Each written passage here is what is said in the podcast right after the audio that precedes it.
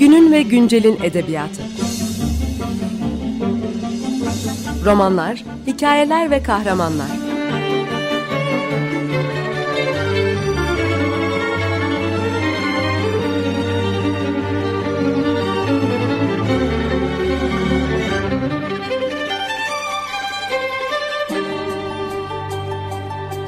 Hazırlayan ve sunan Seval Şahin.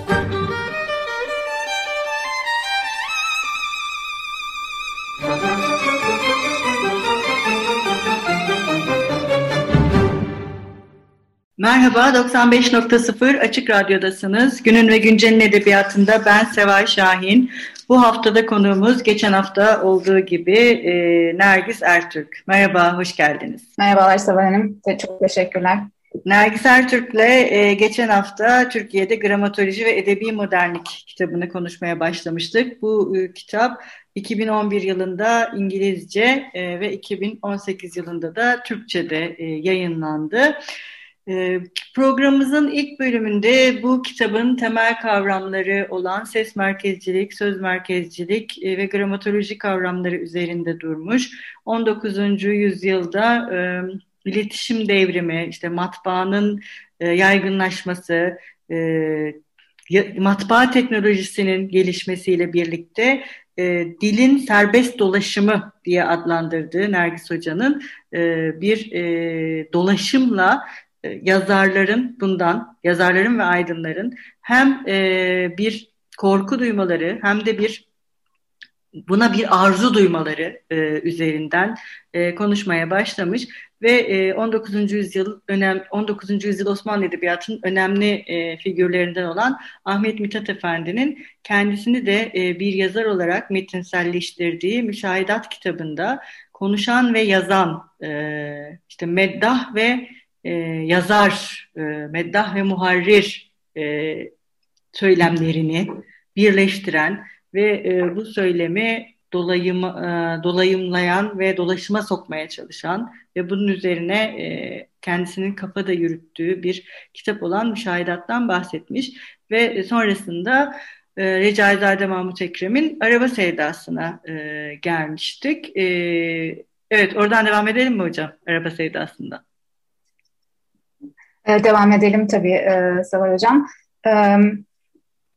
Belki benim bu metinleri e, yine müşahedeti bırakamıyorum ama e, bu metinleri müşahedat ve araba sevdasını birlikte düşünmemde en önemli e, etkenlerden biri tabii ki hani, e, Jale Hoca'nın, Jale Parlan'ın Babalar ve Oğullar kitabı da çok önemliydi. E, bir anda biraz geçen yaptı, e, programda söylediğimizde toparlarsak e, müşahedatta çıkan e, e, müşahedattaki yazar sesinin, hani daha didaktik yazar sesinin aslında ben dilin ucunda e, yolculuk yapan Mithat'ın e, bu tercüme çeviriselliğin içinde gerçekleştirmiş olabileceği bazı şeyleri, kendini kaybetmeyi görmesi e, ve bundan geri çekilmesi üzerine e, bu didaktik sesi kullandığımı söylüyorum. Yani aslında bu, e, bir, dildeki bir kırılmayı Mithat çoktan görüyordu. Mithat bir oğuldu şeklinde belki düşünebileceğinizi e, öngörüyorum. O e, kırılmayı, e, değerler e, oynamasını çok iyi görüyor e, ama ve bundan korktuğu için de didaktik e, sesini pek çok e, eleştirmenimizin söylediği didaktik sesi e, ortaya çıkarıyor. E, Ekrem'e geldiğimizde belki Ekrem'de gördüğüm şey de daha önce dediğim gibi iletişim devriminin hikayesini bize e, üst de, e, havas dilinin, divan edebiyatının yıkımı içinden anlatan bir karakter Ekrem. Araba sevdasının e, gerçekçi roman olarak biz vurguluyorsak bu aslında eski divan edebiyatının, divan şiirinin sembollerinin artık çok daha farklı, takas edilebilir, modernitenin nedensiz göstergeleri olarak düşüşü olduğu için bunları betimleyici, e, gösterenle göstergen arasında birebir bir ilişki olarak kullanılan gerçekçi bir e, roman olarak e, e, bize e, gösteriyor. Bahçe Osmanlı bahçesi değil artık, şiirindeki bahçe değildir artık. E, belki fahişelerin de gezdiği e, bir e, e, sekülerleşmiş bir bahçedir e, vesaire. E, benim Ekrem'de e, gördüğüm iletişim devriminin anlatışında gördüğüm başka belki bir husus, ee, daha önce ki, e, bu gerçekçi roman yazımının tasvirinin o iletişim devrimi içinde okumasının önemi. Diğer bir vurguladığım husus e, anlatıcısıyla Bihruz arasındaki ilişki. Genelde e, mesela bu Bihruz züppe olarak hep ötelenir, düşünülmez bir karakterdir.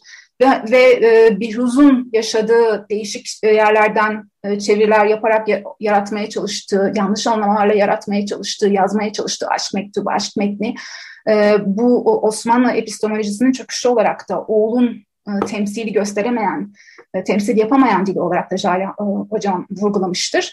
Benim buradaki argümanım biraz daha farklı. Bihruz'un yazmaya çalıştığı e, metnin ben aslında e, söz merkeziyetçilikle de ortaya çıkan, saltanatını kurmuş olan söz merkeziyetçi temsili dilin aşılmasını bir çaba olarak görüyorum. E, ve bunun e, buradan söz merkeziyetçi, betimleyici, e, modern dilin nasıl aşılabilir? E, eski divan şiirine artık kefareti dönüşü yoktur. Fakat bu e, dünyanın e, anlamsızlaştığı, modern nedenselsizliğin olduğu bir dünyada da nasıl e, bir şiir yaratılabilir? Bihruz bize bir şair olarak çıkamaz, modernist bir şair olarak ne yazık ki çıkamaz. Ekrem'in burada e, onu bize veremiyor o metinle. Bir deli adam olarak kalır ama gittiği yerin bu sınır olduğunu düşünüyorum. Yani ses merkezcilik, temsili dili nasıl aşabiliriz? Edebiyat bunu nasıl aşar sorusunu sorduğunu düşünüyorum.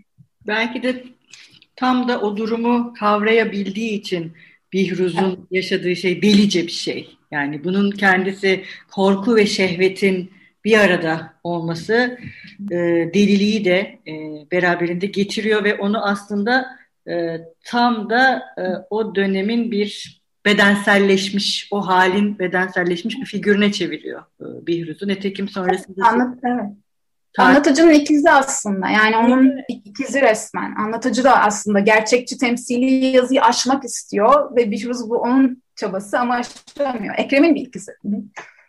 Evet yani Ekrem'in e, kötü şairliğiyle yarattığı şahane bir figür aslında. Bihruz. Evet, evet, evet. Evet, yani bizde bunu e, Malarme mesela modernist şiiri yazan Malarme bize bu te, e, temsili söz merkezci dilin kapitalizmin içinde oluşan bu dilin içinden yine de bir şiir yazılabildiğini Malerme gösterir. Bihruz bunu veremiyor. Ama Hı. o, o, o şeyde, o, o çalışmada. Evet.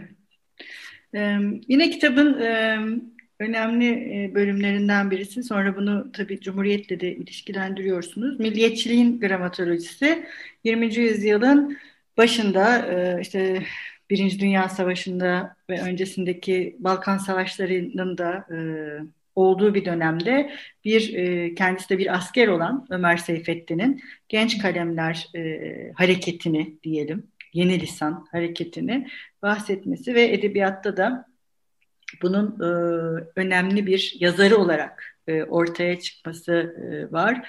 E, siz bunu e, ilk programda konuştuğumuz işte e, ol ve öl ilişkisinde e, tamamen bu dilin e, ne diyeyim başı bozukluğu mu? Ömer Seyfettin başı bozuk diyor çünkü yani o öteki evet. öyle demiyor ama evet. o başı başı bozukluğu bir disiplin altına alma e, girişimi e, olarak okuyorsunuz. E, bu e, gramatoloji nasıl oluşuyor bu dönemde?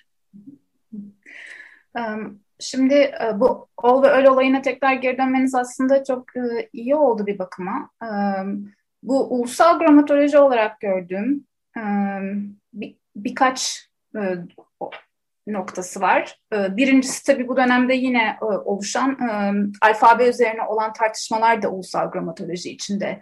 Yazı sistemleri üzerine olan tartışmalar da bunun bir parçası. Yine yazıyı kontrol edebilme duygusu. E, dürtüsü. Ama aynı zamanda e, dili millileştirme, yani konuşma dilini e, yerli dil Türkçe olaraktan e, dilin sadeleştirilmesi ve e, dilin millileştirmesi de bu dönemdeki ulusal gramatolojinin ben bir parçası olarak düşünüyorum.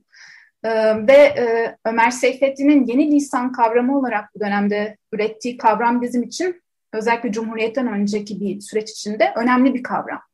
E, bir yandan e, bu dilin dilde milli olarak olmayı, ol ve öyle geri dönelim, olmayı öğrenmemiz gerektiğini öğreten bir kavram. E, bu yeni dil, yazarların yazması gereken yeni sadeleşmiş dil artık milli bir dil. Osmanlıca olarak da kodlanamayacak bir dil. Belki e, Mithat'ın e, kullandığı, değişimli olarak kullandığı Osmanlıca ya da Türkçe'ye göre artık onu kullanamıyoruz. Babanın sesi, karışık sesi, o e, melez sesi artık tamamıyla anlamsız oluyor bu yeni jenerasyon Jön Türkler e, için. E, ve bu dönemde şarkiyatın, e, batıdaki şarkiyatçılığın çıkması da çok önemli. Batı şarkiyatçılığının parçası olarak aynı zamanda aslında Rus şarkiyatçılığının bir parçası olarak Türkiyat çok önemli. Yani bu, e, biz e, ilk programda dillerin İslami dil hiyerarşisinden Türkçenin kurtulmasını, yani serbestleşmeyi bu şekilde de anlattım ben size. Ee, ama bu serbestleşme dönemi ki dünyanın pek çok yerinde oluyor. Sadece Türkiye'de bir iletişim devrimi olmuyor. Aynı zamanda e, Avrupa filolojisinin, şarkiyatçılığının yeni bir diller hiyerarşisi yarattığı bir dönemde aynı zamanda. Ve Türkçenin e, milliyet e, yani Türk, e, Türkçenin e, milli dil olarak tanımlanmasının, milliyet kavramının da yaygınlaştığı bir dönem. E, ve Ömer Seyfettin bütün bunların farkında. Milliyetçiliğin orijini de aslında yabancı, tercümeyle gelen bir şey. E, olmak için, Hegel anlamında da tanınmak, dünya içinde de tanınmak için milli bir dil ve millileşmenin önemini seziyor olmak milli olmak demek oluyor bir anlamda. Ve dili de millileştirme oluyor. Dil içinde oluyoruz çünkü. Dil içinde kendimizi buluyoruz, beni buluyoruz. Ama aynı zamanda bu ulusal gramatolojinin ikinci bir parçası da var. Ee, aynı zamanda dışarıyı da, dil her zaman dışarı açık olan bir şey, çevrilebilir bir şey, iletilebilirlik üzerine. Bunun e, kapatılması da gerekiyor. E, çünkü e, pek çok sınırsız olasılıklar var dil içinde gidebileceğimiz yerlerde. Ee, bir ucundan milli olarak olmayı bize öğrenmemiz gerektiğini vurguluyorsa Ömer Seyfettin'in eserleri aynı zamanda e, olmamamız gerekeni de vurguluyor ve bu olmamayı e, e, ulus dışında kaybolmamamız gerektiğini de vurguluyor ve ulus dışını ölümün, ölümle özleştiriyor. Ulus dışında kalmak ölümle birleşmiş oluyor Ömer Seyfettin'de. Ya ol ya öl gibi bir duruma getiriyor ulusal gramatoloji yani bizi günümüzdeki milliyetçinin ya sev ya terk et hikayesinin aslında ne diye dilsel kökenleri buralarda değil mi? Bence de bunu ben de çok hissediyorum. Yani e, be, e, ulus dışını ölüm, sosyal ölüm olarak kodlama ve bununla bir iletişim kuramama. E, o yüzden de çok çok e, bizi kapatan e, çok üzü, çok üzücü bir durum. Evet. Yanlış bir durum. Evet. Evet bir ara verelim bu haftada. Ee, tamam hocam. Ne çalalım? Ne istersiniz? Ee, yine isterseniz e, benim için önemli olan bu programda da Tanpınar'dan devam edelim. Hem de ona geleceğimiz için de zaten bir noktada. Ee, ben e, e, Tri'den bu sefer gidelim. Nevakar e, eserini çalalım. Ee, çok te- teşekkürler. Peki. Merhaba, tekrar 95.0 Açık Radyo'dasınız. Günün ve Güncel'in edebiyatında Nergis Ertürk'le birlikteyiz ve kendisiyle Türkiye'de Gramatoloji ve Edebi Modernlik kitabını konuşuyoruz. Nergis Hoca'yla bu e, ikinci haftaki yayınımız.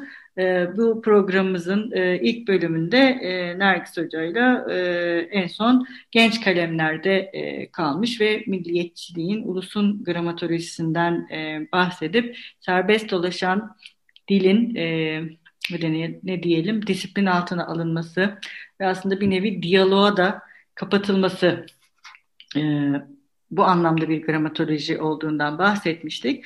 Ee, peki Cumhuriyet'te 1928'de evet sizin de ilk bölümde bahsettiğiniz gibi alfabe tartışmaları zaten eski. Bu dönemde de bayağı e, kuvvetleniyor 20. yüzyılın başında. Ee, 1928'de çok radikal bir şey oluyor aslında ve Latin harfleri e, Latin harfleriyle artık Türkçe e, yazılmaya başlıyor.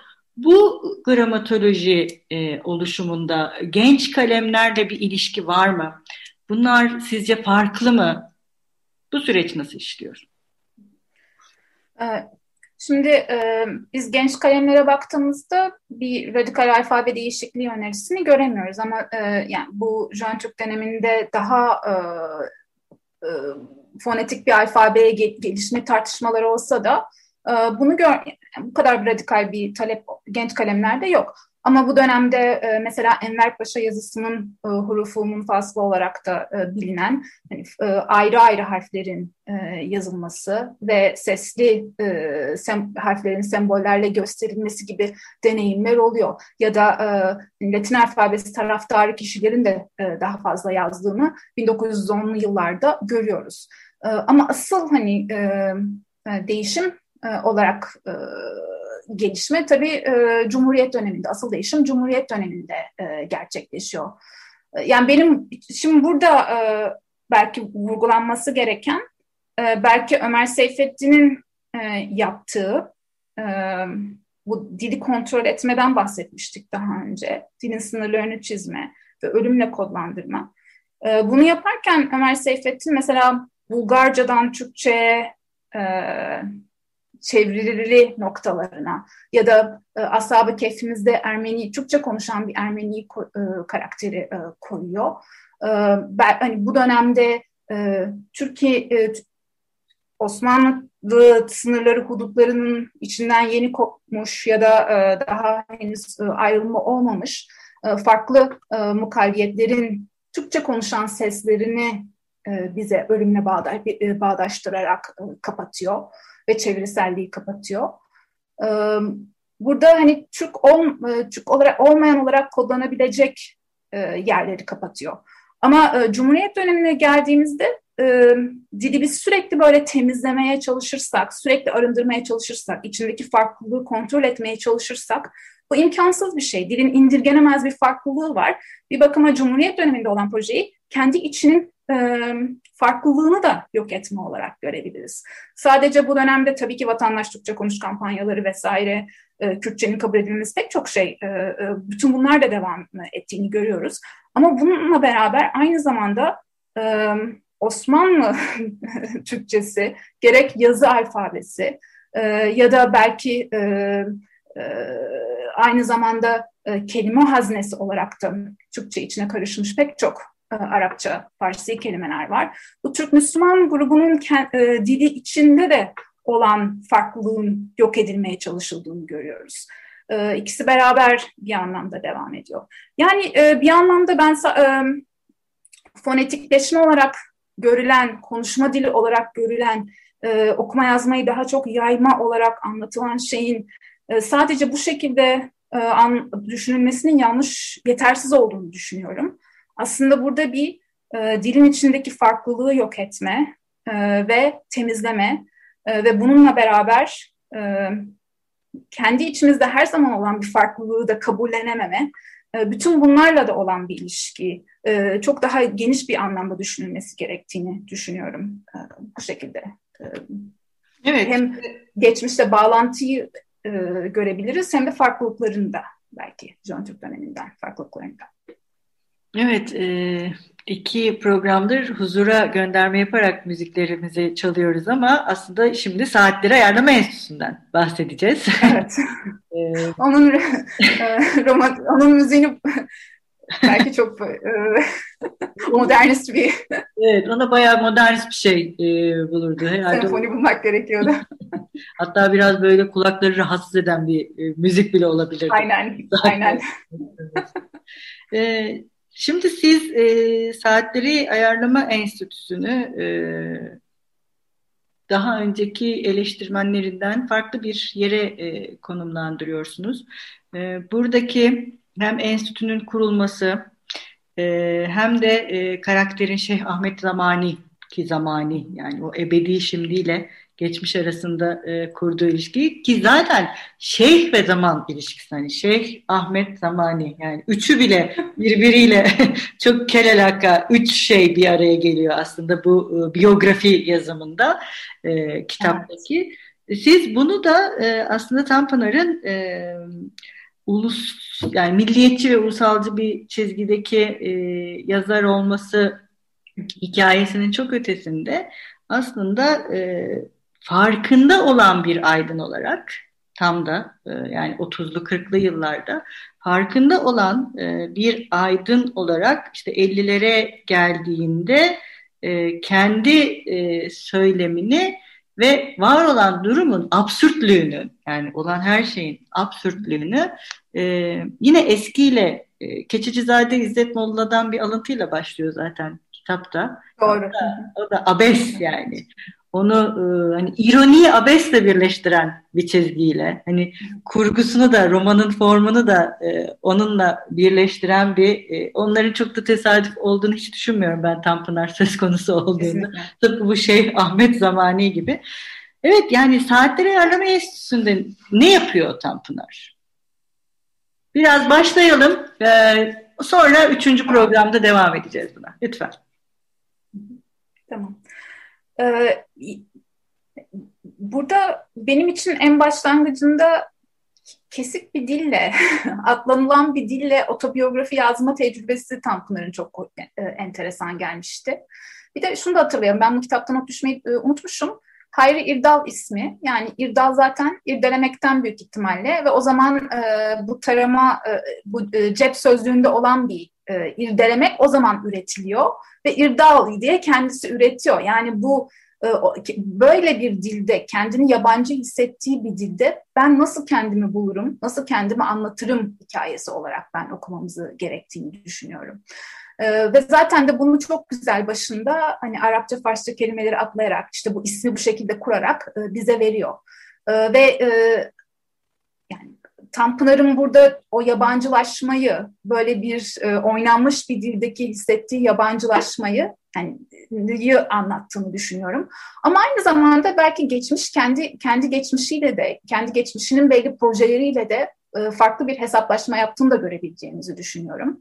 Yani bir noktada Tanpınar kesinlikle modernitenin nedensel din, nedensizliğiyle dilin içindeki e, yani dilin her zaman bir araçsal yanı olduğu, e, her zaman bir farklı bir yanı kaldığını e, ve e, kabulleniyor. Kabullendiğini de düşünüyorum. Yani dildeki e, devrin, devrilemez bir yabancılık var. Bu istediğin kadar ana diline dokunulmamış olsun bile var. E, ve ben e, bunu kabullendi, kabulleniyor. Yani bu yabancılaşmanın bir şekilde aşılamayacağını kabullendiğini düşünüyorum. E, ve bize e, tekinsiz olan bir dilde nasıl mesken tutabileceğimizi, nasıl e, yaşayabileceğimizi bir noktada öğretiyor, e, öğrettiğini düşünüyorum. Evet. E, bu vurgu çok güzel bir vurgu. Önümüzdeki hafta buradan e, devam edelim. E, çok teşekkür ediyoruz tekrar konuğumuz olduğunuz için. Haftaya devam edeceğiz. Hoşçakalın. Çok teşekkürler Sever Hocam. İyi, iyi günler. Hoşçakalın. Günün ve güncelin edebiyatı. Romanlar, hikayeler ve kahramanlar.